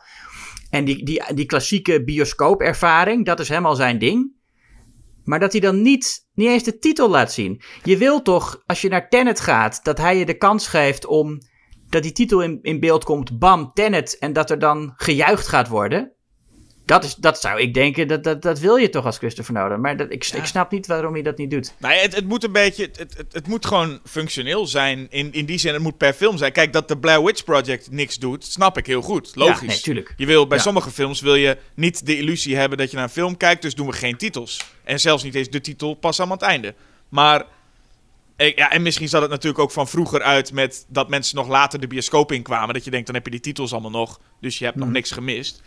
Ja, en vroeger waren titels ook veel korter. Hè? In, in, bij de, in de jaren 30 en zo stond mensen als de, de cameraassistent en zo, die, die stonden er allemaal niet op. Ik zou het wel leuk vinden dat je nu zo'n Marvel-film krijgt die begint met al die CGI-mensen die eraan gewerkt hebben. Daar moet je eerst doorheen. Voordat je een Ja. keertje bij, de, bij, het, eh, bij het begin bent. Maar we, we, we, we, we dwalen helemaal af. Want ik wou alleen maar Ja, zeggen. nee, dat maar ik- dat, is, dat is helemaal niet erg, want het gaat erom hoe fijn het is om hier die titelsequentie wel te zien. Ja, dat is waar. Na een cold open trouwens. Ja, we hebben, oh ja, we beginnen openen in, eh, in eh, Zurich. Ja, Eh, maar we, we hebben dan de titel. En wat ik alleen maar puur wou zeggen. Niet alleen maar om dat statement te maken. Maar ik wou zeggen. Joh, we horen natuurlijk de, eigenlijk de theme van Psycho. Ja. En daar kun je eh, niet omheen. Het is niet meer eh, eh, dat iemand denkt. Ah, het heeft er wel iets van weg. Nee, het is echt ja, bijna plagiaat, of misschien wel helemaal. Nou ja, en gewoon... het grappige is dat Richard Band, die de, die de componist is hiervan, Ja. die had dus duidelijk dat hij echt een knipoog. Dit was, dat moest duidelijk gewoon een grap zijn. Een knipoog. Van kijk eens, Ja. in 1960 maakte, maakte Hitchcock dit. Wij doen het nu voor onze film. En het is een knipoog. Het enige was, hij wilde eigenlijk in de aftiteling ook hebben staan. eh, componist Richard Band. En dan met dank aan en excuses aan Bernard Herrmann. Alleen toen was de film klaar en toen hadden ze gezegd van de studio van... Ja, we, dat hebben we niet meer toegevoegd. Eh, als je dat nog wil, dan kost je dat wel geld, want we kunnen het niet meer toevoegen. En toen zei hij, nou, dat geld heb ik niet, laat maar. maar het was wel de bedoeling dat het echt duidelijk werd van... Jongens, dit is een grap. En nu is er volgens mij, doordat ook dat die tekst ontbreekt, heel lang... Dat heel veel mensen ook zeiden... Volgens mij was er een eh, bekende recensent die ook zei... Ja, ik vind die theme echt gewoon gestolen. Dat vind ik echt stom. Maar dat het dus wel, eh, nou ja, niet altijd overduidelijk overkwam. Maar dit is ongetwijfeld, of dat is dus duidelijk, van Richard Band een grap geweest om de theme van Psycho eigenlijk een beetje onder handen te nemen. En daar ja, de Reanimator theme van te maken. Ja, dus het is gewoon Psycho met drums eigenlijk. Ja, Met percussie. en hij werkt. Ik, ik vind het een lekkere theme. Ja, zeker. Dus niks mis mee. Nee. ehm, maar daarvoor hebben we al een beetje kennis gemaakt met de film en de sfeer. In die zin dat het, die, die openingsscène op een, op, een, op een universiteit in Zurich. Die is eh, eh, heel snel. Heel veel close-ups. En eh, heel overdreven bloederig. En we maken kennis met ons, eh, het, het, het hoofdpersonage. Niet meer de, de, of het zit niet meer in de titel. In het verhaal heet het dan Herbert West Reanimator. Maar we ontmoeten hier eh, Herbert West. Ja, die, die, die bezig is met experimenten over ja, het overwinnen van de dood. Hij kan niet accepteren dat mensen doodgaan. Dat is ook een, wel een, een aardig stukje van de onlangs overleden Norm MacDonald. Eh, van ja, dokters die werken maar aan, eh, aan oplossingen van ziektes. Maar ja, uiteindelijk gaat iedereen toch dood. Dus dat, dat, daar zouden dokters aan moeten werken. Daar zouden jullie eens iets aan moeten doen. Gewoon de dood genezen. Ja. ja. En die, ehm, wat ik nu meteen heel leuk vind, het, het, eigenlijk het unieke, zou ik nu willen zeggen, van Reanimator, wat ik heel fijn vind, is dat personage van Herbert West. En ik hou ervan als films dat doen. Je hebt namelijk, eh, meteen na de openingstitels komen we ons hoofdpersoon tegen. En ons hoofdpersoon is een typisch hoofdpersoon. Dan. Ja. Hij heet ook Dan, vind ik ook gewoon, het is perfect. Het is een Dan ook echt, hè? Ja, ja hij is saai. Hij is saai. Hij, hij is saai, maar hij moet ook saai zijn, vind ik wel een beetje hier. Ja. En we zien hem ook hij, gewoon... hij, hij is de Watson. Het is wel echt het hoofdpersoon. Ik weet niet of Watson altijd een, ook meer een hoofdpersoon was. Nee, nee, dat is waar. Ja. Maar hij, eh, en we zien hem ook, dat is ook al meteen fijn, we zien hem ook gewoon het eerste shot, het eerste wat we hem zien doen is reanimeren. Eh, zegt best wel veel meteen, vind ik, over hem. Gewoon dat het eerste wat we hem zien doen is dat reanimeren. Maar je hebt dan ook een schurk. En die schurk is overduidelijk, misschien begin nog niet 100%, maar eigenlijk wel, is het Dr. Carl Hill. ja. En dat is echt die man, ik weet niet, ik, ik heb nog nooit een man, ik, ik, ik, ken Bruce Campbell, maar ik heb nog nooit een man met zo'n kin gezien. oh, dat is een, dat, dat hoofd is, dat is, wat, wat een vorm. Ja. En ja. de- dit, die man die ontpopt zich zeker op een gegeven moment, maar echt als de grote schurk. En wat ik altijd fijn vind aan dit soort films is. En dan heb je Herbert West. En die zit daar middenin. Sommigen zouden zeggen: nee, Herbert West is ook gewoon echt de schurk van het verhaal. Maar dat is niet helemaal zo. Maar het is ook niet de held van het verhaal. En Nee. dat maakt het, dat vind ik, maakt Herbert West zo leuk. Hij wordt ook natuurlijk op, op, op- ongelooflijk leuk gespeeld door eh, eh, Jeffrey Combs. Ja. Ehm, waar Stuart Gordon, de regisseur, hebben we eigenlijk wel genoemd? De regisseur, Stuart Gordon. Nou, nog niet genoemd, maar Nee. bij deze. Bij deze. Eh, dat, eh, ja, die werkt vaker samen met, met hem. Hij is, is een perfect, ik vind, West is zo'n heerlijk, lekker arrogant, egoïstisch manneke, is het. Ja. En ik vind hem, ondanks dat het een egoïstisch, arrogant klootzakje is, is hij wel heel erg lovable. Ja, zeker. Ja, nee, omdat hij het ook, ja, omdat hij het ook waarmaakt. Hij, hij is een genie en, eh, nou ja. Hij is, hij is eh, nou ja, een beetje zoals Sherlock Holmes, in elk geval in de uitvoering van Benedict Cumberbatch. Wat ik een beetje een overschatte rol vind. Eh, Maar dit is daar dan de, de goede versie van. Hmm. Eh, om, ja. Jeffrey Combs als Herbert West, die ook een beetje op iedereen neerkijkt en, en, en tegen zijn eh, docenten roept dat ze het allemaal verkeerd hebben. En die ervan uitgaat dat mensen wel zijn genialiteit kunnen zien en dan heel gefrustreerd raakt, ook als dat niet zo is. Het is jammer dat ik niet meer, niet meer nu inmiddels naar, naar school ga. Maar ik zou eigenlijk bijna nog een avondcursus willen volgen. Maar iemand waar ik het niet mee eens ben, dan ga ik heel veel potloden meenemen. en de hele tijd potloden door midden breken. Ja, Dat, dat is een mooie manier om dat te laten zien. Dat die, die, die Carl Hill, hè, die, die, die, die staat daar met, met, met, met zijn. eh, nou, een hele aanwezige man, wat ik al zei, groot hoofd, maar überhaupt gewoon een, een, een imposante man eigenlijk. En die zegt dat, als ik het goed begrijp, dat de hersenen nog 6 tot 12 minuten kunnen leven. eh, Ja. Na de dood. En eh, dan is Herbert West is daar gewoon niet mee eens. En ik vind het überhaupt al leuk dat die man aan het uitleggen is. En ondertussen zie je, zie je Jeffrey Combs daar die potloden door midden breken. Ja. En op een gegeven moment ook roepen van... Ja, je, je leert deze mensen onzin. En ja, ik weet niet. Je hebt alle, lekkere, eh, alle mensen gewoon goed neergezet. Het enige wat je nog even moet neerzetten is... hoofdpersoon en Herbert West moeten Dan en Herbert West nog bij elkaar. En dat kan heel simpel. Eh, West zoekt een kamer. Hij heeft ook al het briefje meegenomen waarop staat dat Dan een kamergenoot zoekt. Eh, Herbert West heeft dat briefje gewoon van het prikbord afgehaald. Zo van, ja, dat, dat word ik en niemand anders. Ehm, en dan komt hij daar inderdaad langs. En dan komt voor, ik vind dat wel een van de leukste eh, subtiele dialogen uit de film. Dat hij daar, eh, eh, Barbara Crampton, de Mhm. vriendin van, van Dan. Megan Halsey heet zij in de film. We gaan weer lekker namen van acteurs en personages door elkaar gebruiken. Ik heb tot dus wel alleen nog maar Dan gezegd. Ja, Dan Kane, Bruce Abbott speelt hem. Oh ja, Bruce maar Abbott, laten ja. we zeggen, Megan, de vriendin van Dan, doet de deur open. En daar staat Jeffrey Combs, Herbert West, waar ze van schrikt. En dan zegt hij van, nou, kom die kamer, dit en dat. En dan is, is hij, en dan gaat Dan, eh, loopt even weg. En dan is hij even samen met eh, eh, Megan. En dan zegt hij, I startled you. En dan zegt zij, yes, you did. En dan zegt hij, hmm. Ja, dat vond ik ook een hele mooie. je zou verwachten dat iemand dan zegt sorry of zo. Maar het Nee, is gewoon, ja. Die had ik ook opgeschreven, inderdaad. Ja, dat was heel leuk. Dat hij dan zo nog even... hmm. En hij, hij is dan heel sceptisch over die, eh, dat huis. Dat hij zo rondloopt. En nou, we weet het allemaal niet. En dan laat hij even de kelder zien. En meteen... Oh, perfect. Ik wil deze. Hier, hier is geld. Ja. Hier is geld. Ja. Nou, weet wel, daar gaat hij iets mee, eh, mee doen.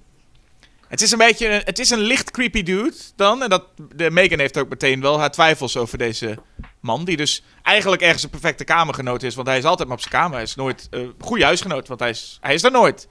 Ja. Dus- alleen, eh, hij, heeft wel, eh, hij bewaart wel de kast dood in de koelkast. De kat, ja. Ja. Ja, dat, dat, is, dat is ook een van de beroemdste zinnen natuurlijk.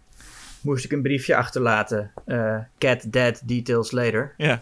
Als ik dan naar kijk naar... want dan hebben we het in, in Return of the Living Dead gehad over de slapstick. Er is slapstick met dat gele mannetje en, en zo. Ik, ik vind toch dat die slapstick niet kan tippen aan de slapstick hier met de kat. Ik, ik, ik geef de voorkeur aan eh, eh, Jeffrey Combs. Zeker omdat die kat dus zou dus dood zijn. En, en Dan komt op een gegeven moment thuis. En dan zit heeft Jeffrey Combs daar een ruzie met een kat die bovenop zijn, aan zijn rug vastgenageld zit. En ze smijten met die kat in het rond.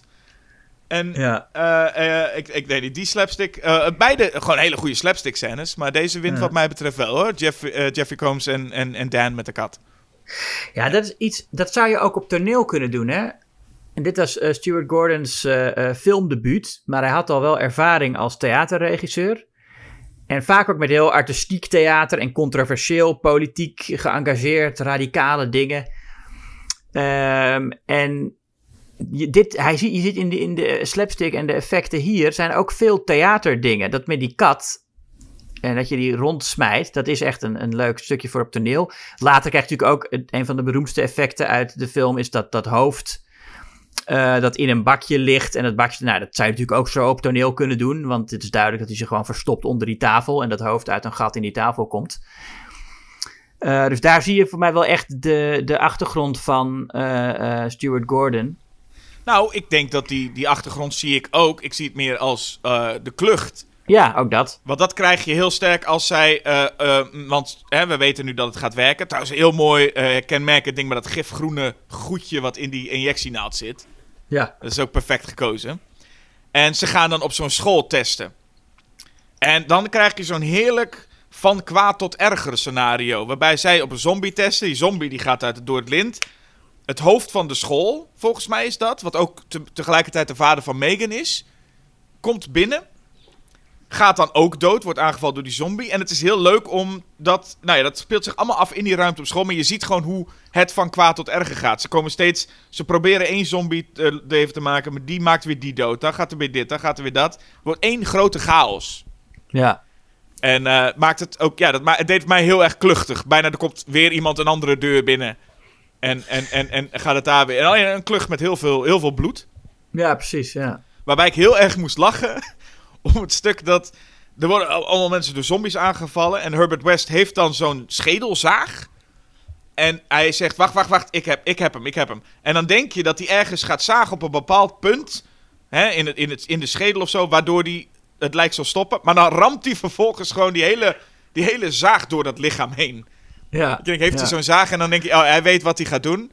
dat vond ik heel leuk hoe hij dan gewoon keihard door dat hele, lijk, eh, door dat hele lichaam heen ramt. Ja. Daarna krijg je Dr. Hill. Hè, want we hadden al die schoonvader, eh, die, die, dat hoofd van de school erbij. En dan komt Dr. Hill er ook meteen bij. En daarmee zie ik hoe vlot deze film ook gaat. We zeiden het bij eh, Return of the Living Dead ook wel. Maar hier merk ik nog meer hoe ongelooflijk lekker vlot, lekker tempo het gaat. Het gaat gewoon, Ja. hoppakee, volgende scène. Hé, hey, die doet dit. Oh, nou komt eh, Dr. Hill erbij. Wordt onthoofd. Hoppakee, dit. Ja, nee, dat is ook, er, zit, er, zit, er zit geen, eh, randje, geen eh, randje vet aan. Nee, het doet, alles doet wat het moet doen. Dat zou je bij, bij ja, Return of Living Dead vind ik dat iets minder. Het is, niet, het, het is een lekkere, vlotte film hoor. Maar, maar ik vind deze film nog, nog sterker. Alles, alles zit precies goed. En het gaat ook zo lekker vlot dat, dat Dr. Hill wordt onthoofd. Nou, en dan begint de film, wat mij betreft, nog leuker te worden. Ja, hij wordt onthoofd omdat hij, eh, eh, hij wilde die ideeën stelen van Herbert West. Ja. En dat is, ook, dat is ook wel grappig dat West, die, voordat hij hem onthoofd, roept hij dan plagiarist. En dan gaat zijn kop eraf. Want dat, dat, is dan de, het ergste, het breken van de, van de wetenschappelijke ethiek. Ja, Natuurlijk, dat je plagiaat eh, pleegt. En dan heeft hij dat hoofd. En dat wordt dan, eh, nou ja, in het begin van de film zien we op Dan's kamer een poster van The Talking Heads hangen. Mhm. En we zien dat dat inderdaad eh, foreshadowing was voor wat er dan met het hoofd van Dr. Hill gebeurt. Het is ook al een leuke slapstick dat eh, West gewoon even hè, onthoofd. Hij zet dat in dat mandje en dat, dat, hij, dat het hoofd maar niet overeind blijft staan. Ja, Zo ja. wat leuks. Dat hij dan denkt, ja, dat wil maar niet. En dan heeft hij op een gegeven moment zo'n, wat is het, zo'n papierprikker. ja. En dan zet hij hem daar maar zo bovenop. En vanaf dat moment komt die film met visuals die ik zo ontzettend leuk vind. Het, het hele eh, eh, beeld van Hill die met zijn eigen hoofd komt aanlopen. Is, Ja. Maar voor mij ook een perfecte slechterik. Gewoon zo'n slechterik die de hele tijd rondloopt met zijn eigen hoofd in zijn handen. ja. En dan geniet van bloed. Hè? Je moet dan eh, moet je bloed in dat bakje gooien. Waar dan gewoon. Dan ligt hij een beetje dat bloed. En dan zie je hem ook echt zo. Ah, lekker. En nog leuker is het dat hij zich ook gaat vermommen. Dus dan heeft hij een tas bij zich waar zijn echte hoofd in zit. En dan heeft hij zo'n zo'n nephoofd. Zo'n hoofd wat je in zo'n biologielokaal altijd wel ziet. ja. eh, heeft hij dan opgeplakt. En dan zie je hem zo aankomen lopen. En die beelden zijn zo ontzettend geestig om gewoon hem daar in die vermomming te zien. Ja, en omdat het ook allemaal binnen de logica van die film zo goed klopt. Hè, dat, dat, dat is dan inderdaad de oplossing. Dat je zo'n zo'n zo'n hoofd op je hoofd zet en een mondkapje voor. Ja, Ehm, het is ja, een absurde situatie die eh, heel, heel bizar is, maar je snapt precies hoe ze daar terechtkomen. En dat maakt, dat is bij een klucht ook altijd zo. Eh, eh, je, je kan de situatie zo absurd maken als je wil, maar het is alleen grappig als, als de weg er naartoe logisch en begrijpelijk voelt. En dat is hier zo. En ik heb het idee, dat is vaak, of in, in, in, volgens mij is het altijd horrorcomedies waarin een hoofd, afgehaakt hoofd, kan nog kan praten. Ja. Meestal. Eh, en ik, wat ik ook altijd pik, is dat dat hoofd met het lichaam kan praten. En dat het lichaam het hoort. Ja, dat, ja, daar moet je niet te veel over nadenken hoe dat zit. Nou ja, als, het, als, ik, als je het pikt, wat je net zegt over die logica. Ja. eh, en die pik ik hier ook wel. Het is niet dat de film denkt, oh, maar we zijn een comedy, dus we kunnen alles doen wat we willen. Er zit een soort logica in waarvan je denkt, het, het, het, het zal wel kunnen. ja. En misschien niet dat het hoofd luistert, ik denk dat, of het lichaam luistert. Ik denk meer dat het, dat het hoofd misschien het lichaam nog een beetje kan besturen. Maar, hey, ja. Ja, het staat misschien nog in contact met de hersenen op een bepaalde manier. Ja. daar wordt verder niet echt op ingegaan. Wel is duidelijk dat, ja, Hill was al een beetje een creepy dude eh, toen hij nog leefde. Nu wordt hij wel echt een, eh, een, een, een, eh, een slechterik. En merken we ook dat zombies, niet allemaal, maar zombies kunnen praten, net als in Return of the Living Dead. Ja, Maar hij moet het wel leren, geloof ik. Ja, eh, het is een beetje raar, hè? Ja, de, de- de- z- zijn het zombies? Nou ja, het zijn de levende doden, dus ja. Ja, en de, wel. de eerste zombies die ze treffen in dat, in dat, als ze hem voor het eerst tot leven maken, zijn ook wel vrij klassiek zombies. Nog Ja. die naakte man. Eh, de stunt double van eh, Arnold Schwarzenegger vaak, of die wat vaak stunt double was. Oh, ja. Die, dat is wel echt een traditionele zombie. En ook die, Ja, dat klopt, ja. ze hebben iets meer emoties dan de Romero zombies. Ja, ja precies. En hier heb je dan dat heel, op een gegeven moment begint hij nog een beetje te, te kreunen. En dan op een gegeven moment kan hij eh, wat meer praten. En, en uiteindelijk krijgt hij een hele monoloog uit zijn strot. Ja, en, eh, en het is wel zo dat eh, de zombies die hij gemaakt heeft, die gehoorzamen hem. Oh ja. Dat is zijn soort leger wat hij dan uiteindelijk heeft. Ja, hoe dat werkt weet ik ook niet. Ja, nou ja, dat heeft hij dan verder ontwikkeld zelf. Dat, dat is natuurlijk dat spijt. Kijk, in, in het begin hebben ze allemaal die zombies. Die, de eerste zombie, dat wordt een rare figuur, maar die was dan al te lang dood. En als je iemand snel naar de dood injecteert, dan heb je nog wel een aardige kans dat, het, eh, dat hij rationeel blijft. Een van de grappigste visuals die ik hier heb. Want er zijn er echt een paar. Allemaal met Dr. Hill. Dr. Hill, ik weet niet. Iedere keer als die man daar kwam. Eh, eh, eh, dat, dat, dat was fantastisch. En die, er is één hele geestige visual dat West Ham in de rug aanvalt. En dan pakt hij zijn hoofd en dan draait hij zijn hoofd zo eh, 180 graden om om te kijken wat, waar West is. Een heel leuk beeld vind ik dat. Ja. Een hele leuke slapstick, een hele leuke kluchtigheid. En het wordt toch ook wel een klein beetje, ja, hoe zeg je dat? Absurd en ook wel duister als Megan wordt ontvoerd. Ja, nou ja, dan, dan krijg je inderdaad... Ook deze film heeft een controversiële naaktscène... die je nu niet meer zou opnemen, denk ik. Er was wel schama te zien hier. Er was niks voorgemaakt. Nee, ja, zo is het. En eh, de, nee, nee, een, een, een eh, vrij absurde scène met waarin Megan vastgebonden zit en het eh, hoofd van Dr. Hill eigenlijk ja, orale seks wil uitoefenen. Ja. En ik weet dus, ik zat deze film te kijken en toen, eh, toen ik dit zat te kijken kwam net mijn vriendin binnen lopen. Ach, En het Ja. was echt een heel geestig moment hoe zij gewoon even de woonkamer binnen kwam lopen. Zij keek, zag op dat moment net een naakte dame op tafel liggen en een onthoofd eh, hoofd wilde haar eh, wilde orale seks geven. Zij, en ze draaide zonder wat te zeggen om en liep weer, liep weer weg. ja. Het vond ik wel een mooi, mooi... ik vond het een mooi beeld eigenlijk. Dat maakte het wel compleet. Dat ik inderdaad wel dacht, ook ik, die wel... Ik heb wel veel van dit soort films zien. Dit zijn wel, is wel een tafereel van ik denk, ja, dit zie je niet overal. Nee, dat zie je ze- nee, zeker niet overal. En ook niet, zeker niet meer in, in komische context. de- dat een vrouw zo seksueel eh, misbruikt wordt of zo. Ehm, en ik weet ook niet in hoeverre het grappig bedoeld is hier. Nou, het is it's, it's a head giving head. Dat moet toch... eh, ja, eh, ik bedoel, het feit dat eh, iemand, een, een dame vastgebonden is, naakt en eh, seksueel aangerand wordt, is niets, niets grappigs aan. Maar we hebben het wel over zoiets absurds als een oude Ja. man met een afgehakt hoofd die dan... Ja, dat... dat nee, tuurlijk. Het, het- is meer, het is een beetje. Ik weet maar ik weet niet in hoeverre Stuart Gordon hoopte dat er hard om gelachen wordt. Ik, dit is meer ook een beetje gewoon het groteske van de situatie waar hij in, ge- in geïnteresseerd is, volgens mij.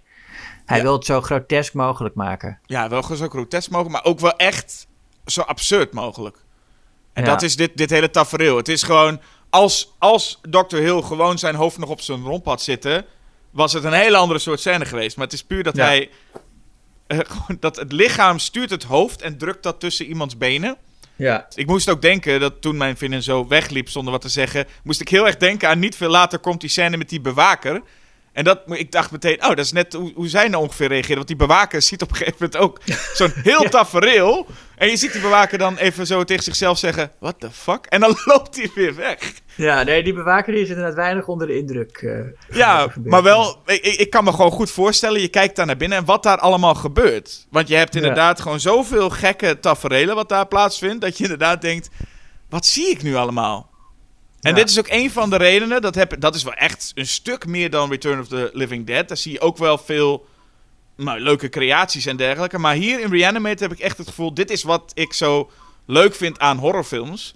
Je ziet best wel veel taferelen, en in deze film vooral, die je zelden ziet. Ja, Het is gewoon allemaal vrij unieke concepten die je daar ziet. En dat is iets wat deze film eh, behoorlijk veel naar je toe gooit. Allemaal dingen waarvan je denkt, ja, ik kan nu niet tien films opnoemen die dit eh, ook doen. nee. nee. En dat zag ik heel erg in die bewaker terug. Je kijkt zo'n ruimte binnen, je ziet daar eh, Jeffrey Combs staan, je ziet daar een man met zijn hoofd, je ziet daar eh, nog een andere zombie rondlopen. En ik denk bij mezelf, ja, dit is een rare dag. Ja, nee, het, het gaat heel erg terug naar, naar eigenlijk het, het begin van, de, van het idee van film. Van ik moet je wat laten zien. En het was films waar oorspronkelijk weer draaiden ze ook op kermissen. En was het van kijk eens wat er gebeurt. En waar waren het inderdaad ook vaak dat soort tafereelen. Een van de eerste eh, eh, zeg maar gore films of zo was, eh, was de executie van die heette de Execution of Mary Queen of Scots en het was dan je zag gewoon een onthoofding dat was die hele film met een, met een pop nagedaan Ehm, ja, het staat echt in die traditie van we gaan je iets heel bijzonders laten zien en dat is waar je naar de film voor gaat Ondanks dat het een zombiefilm is, want het is wel overduidelijk een zombiefilm. Maar heel wat unieker dan Return of the Living Dead, wat mij betreft. Ja, wat, ja nee, er zijn, zijn inderdaad in het zombie-genre is het meestal niet, omdat hier ook heel erg eh, de nadruk ligt op, op de wetenschapper die de zombies tot leven wekt. En dan gaat het niet, ja, hij zit niet heel erg in de wetenschap, zoals in het boek nog wel heel erg beschreven wordt. Hoe, hoe die dat proces heel zorgvuldig opbouwt en, eh, en zo. Maar dat, dat, dat is hier helemaal niet. Dat hoeft ook helemaal niet. Uh, maar dat is wel een verschil met de, met de gemiddelde zombiefilm. Dat het ook echt gaat over uh, de weigering van de wetenschap de dood te accepteren. En ook bij allebei. Hè. Dan wil de dood niet accepteren. Want hij blijft, in, als we hem voor het eerst ontmoeten, blijft hij die dode vrouw maar proberen te reanimeren. Uh, en dat is, uh, dat is meer een soort emotioneel ding van ik wil niet dat deze persoon weggaat. En Herbert West, die beschouwt het meer rationeel als gewoon een, een wetenschappelijk probleem. Het kan hem eigenlijk niet zoveel schelen uh, wie die mensen zijn. Hij doet het niet uit empathie voor mensen. Hij doet het omdat hij gewoon dat, dat een, een, een berg vindt om te beklimmen. Een, een obstakel om te overwinnen als wetenschapper. Uh, dus dan heb je, je hebt eigenlijk twee kanten van het niet willen accepteren van de dood. En daarom is het, is het eigenlijk ook zo tragisch uiteindelijk dat Dan, uh, nou, hoe dat afloopt met zijn vriendin, hè, dat hij dat die, dat die, dat die Megan toch weer tot leven wil gaan wekken. Ja, en daar, daarin deed de film, eigenlijk in het algemeen toen ik dat terugdacht, mij heel erg denken aan Pet Cemetery. Want die heeft ja. uh, uh, ook een, een, eerst, dat eerst als eerste de kat wordt gereanimeerd. Ja, klopt. En aan het einde tegen beter weten in. En, en dan uh, iemand, een, nou in dit geval, in Pet Cemetery geval, een jongetje. En dat gaat ook helemaal mis. En dan toch en het einde tegen beter weten in, toch je partner ook. En dan, ja, dat, dat, dat, dat is precies de lijn die Pet Cemetery ook heeft. Maar dan vind ik het wel een goede keuze, stilistische keuze, dat we niet het einde te zien krijgen. We krijgen niet nog te zien wat er met Megan gebeurt. Dat vind ik ook wel fijn. Nee, nee klopt. Zo'n einde waarvan je denkt van ja, dat kan volgens mij gewoon niet goed aflopen. Nou, we horen een schreeuw toch aan het einde. Nou ja, dat suggereert inderdaad wel dat het iets in ieder geval misgaat. Ja. Maar we weten ook hoe het afloopt. Er is een vervolg uh, uh, gemaakt. Ja, ja. Er zijn twee vervolgen gemaakt. Ik heb toevallig net ook uh, meteen Bride of Reanimator gezien. Wat ook ja. heel geestig is, dat zowel... Ze gaan dan... dan, dan proberen ze het hart van uh, uh, Megan in een andere dame te stoppen. Mm-hmm. Om haar toch een soort van door te laten leven. En ook Dr. Hill blijkt dan nog te leven. Nou, die wordt volgens mij, zijn hoofd wordt echt helemaal als een blikje helemaal kapot gewrongen. Maar hij is er nog gewoon. Dus dat hele hoofd uh, is, is ook in de, in de tweede film een, nog, nog steeds een slechterik. Ja, die heb ik dus niet gezien, Bride of Reanimator. Is dat... Is wel een aanrader. Het is, het is, het is, hij is misschien nog wel iets, nog iets vreemder. Hm. Uh, maar ook inderdaad in de categorie deze, uh, je ziet allemaal taferelen. Hij is gewoon iets minder gestructureerd. Wat jij zegt over het zit geen grammetje vet aan. Reanimator, hm. Bride of Reanimator is iets minder gestructureerd. Het is wat warriger. Maar als je taferelen wil zien die totaal, uh, nou ja, krankzinnig kunnen zijn. En waarvan je denkt, dat zie ik niet zo vaak. Dan is Bride of Reanimator nog steeds ook wel een aanrader, ja. En gaat, hij ook, gaat Herbert West ook trouwen? Nee, dat is dan leuk, want dan is die titel is hetzelfde als Bride of Frankenstein. Daarin gaat ook niet Frankenstein trouwen, maar het, hij heeft een bruid voor het monster.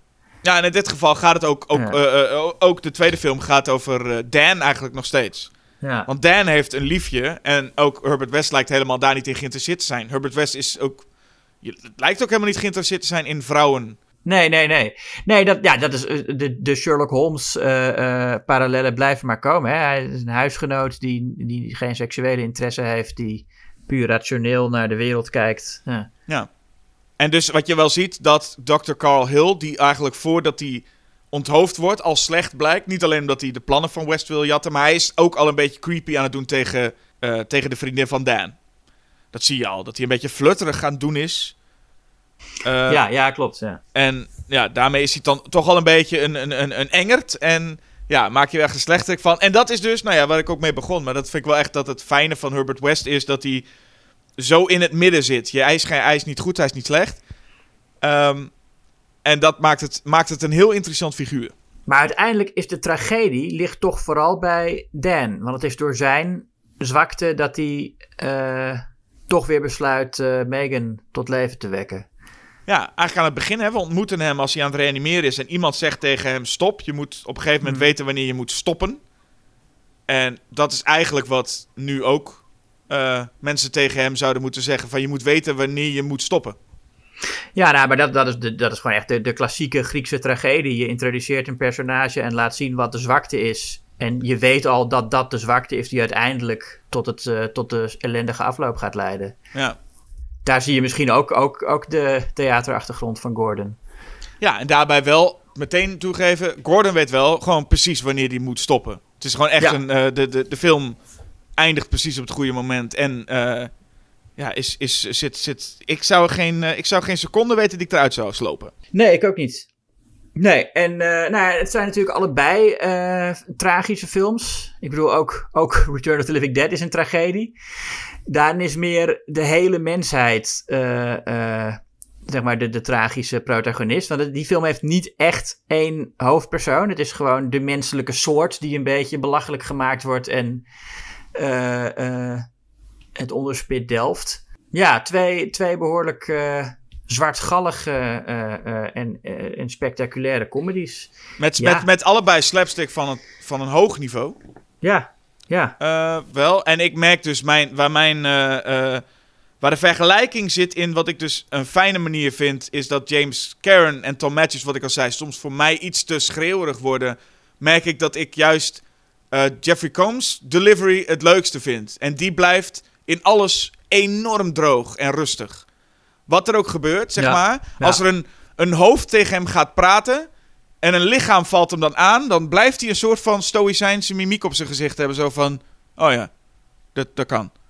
ja. En, en dat geeft voor mij extra comedy. Dat je niet Herbert West ook ziet schreeuwen met... Wat is er allemaal aan de hand? En wat gebeurt hier allemaal? Hij, is- hij blijft gewoon een soort van... eh, alsof hij het al, hij, hij speelt volgens mij heel erg alsof hij het allemaal nog onder controle heeft. Ook als het niet helemaal zo is. ja. Daar, eh, eh, daar geniet ik denk ik nog wel meer van. Ja, dat snap ik wel. Hij is echt een ob- observator ook die, die puur uit wetenschappelijke interesse hiernaar kijkt. En dus ook helemaal niet zo... eh, hij heeft helemaal geen emotionele connectie met, met al die gruwelijkheid. Nee, en het is ook een beetje de rol die eh Clue eh, Gulager heeft in, in, in Return of the Living Dead. Maar dat heeft hij, West nog het meest. Als bijvoorbeeld... Nou, de hele, de hele, het is een hele enorme teringzooi geworden. En eh, eh, eh, zombies aangevallen. En zijn baan staat op het spel. En dan zakt Dan ook op een gegeven moment even in elkaar. En gaat hij, zit hij bijna te huilen. Van wat is er allemaal gebeurd? En dan komt Herbert West die even zo'n dekentje over hem heen slaat. En even zo van, nou, hè?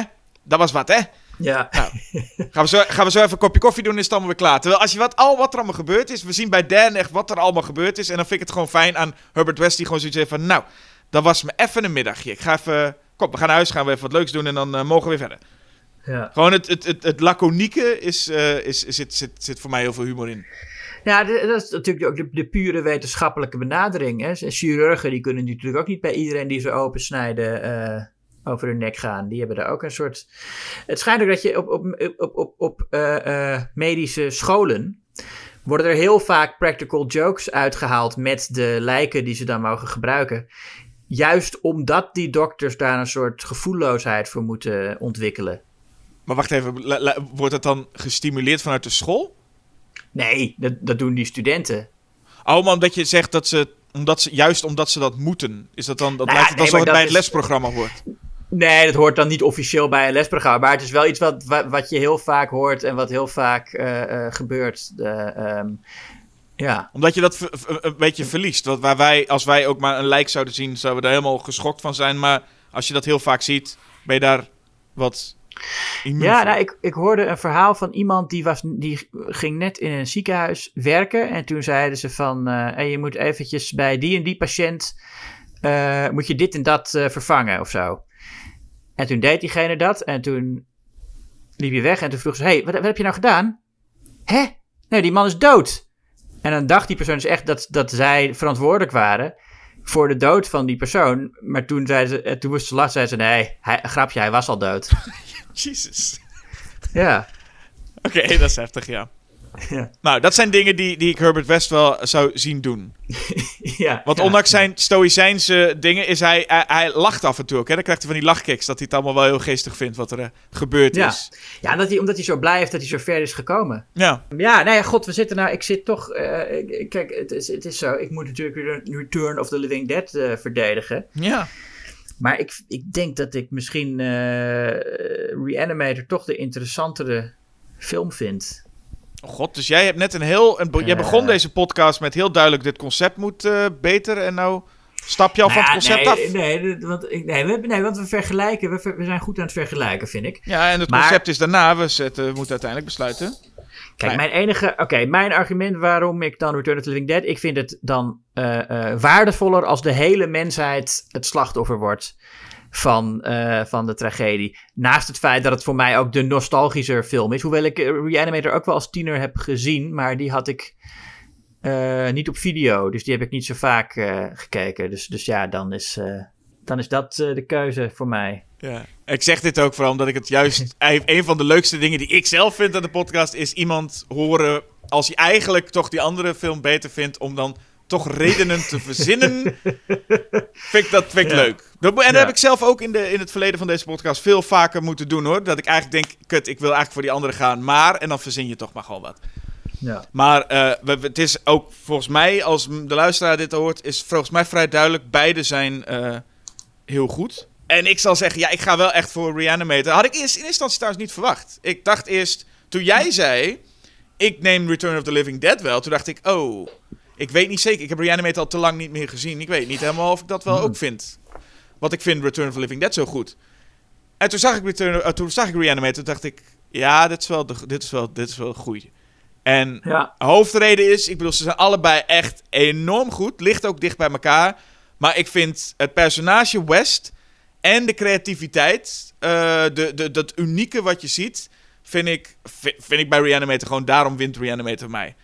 Ik Ja, bedoel, ja. Return of the Living Dead is een leuke variant op het zombie-genre, maar Reanimator is echt zijn eigen ding. Ja. Dus eh, ik, ik, ik kan niet anders dan dat. Maar ik gok, Julius, en dit, dit lijkt Mhm. mij, en dan zitten we goed, hè? Ik gok Ja. dat dit ook weer zo'n titel wordt dat mensen op sociale media gaan reageren. Dat ze toch zeggen: Oh, moeilijke keuze. Oh, dit is appels Ja. en peren vergelijken. Oh, dat weet ik niet hoor. Ja, ja, het is, het is ook een lastige. Het is ook een lastige. Nou goed, we horen het graag van jullie. Ja, en maak er even een leuk betoog van. En niet alleen maar gewoon het- de naam van de. Eh, niet alleen maar de titel. Zet er ook even bij waarom. Ja, wie, wat, waarom en waar en hoe. En, en dan verder nog graag eh, eh, liken en subscriben en comments en recensies achterlaten waar je het maar luistert. En natuurlijk een abonnement nemen op het tijdschrift Schokkend Nieuws. Waarin Jasper en ik allebei een flinke bijdrage hebben. Verder nog iets, Jasper? Nee, ik denk dat we ons moeten opmaken voor de volgende. Hè, de luisteraar is natuurlijk benieuwd: wat gaan we hierna doen? Ja, nou. En eh, weet je, het is zo. De volgende podcast komt uit begin december. Dus dat lijkt mij het perfecte moment om prooi te bespreken. hey, dat is fijn. En dan, maar dan moet er iets tegenover staan natuurlijk. Dan moet er ook een andere film. Nou, laten we een andere film van Dick Maas er tegenover zetten. Eh, even kijken. Down hebben we. Vlo- Vlodder, een van de Vlodders. Amsterdam en de Lift hebben we al gehad. Ja, nou misschien moordwijven. Nou ja, welke de, welke de andere film is die we daar tegenover zetten, dat, eh, dat zie je dan wel. Ik hoop toch dat de mensen nu wel weten. Nou ja, eh, wie weet is er nog één luisteraar bij die wat... Maar goed, ja. Die zit, nou, die zit nou straks twee weken lang. Maar welke gaan ze er nou doen? Ik snap Oh, het niet. Zit die Vlodder in Amerika te kijken. Ter voorbereiding. ja. Nou, eh, bedankt voor het luisteren. Bedankt voor het praten, Julius. Jij ook, bedankt. En tot de volgende keer. Why do you eat people? Not people. Brains. Oh, I have a plan. So do I.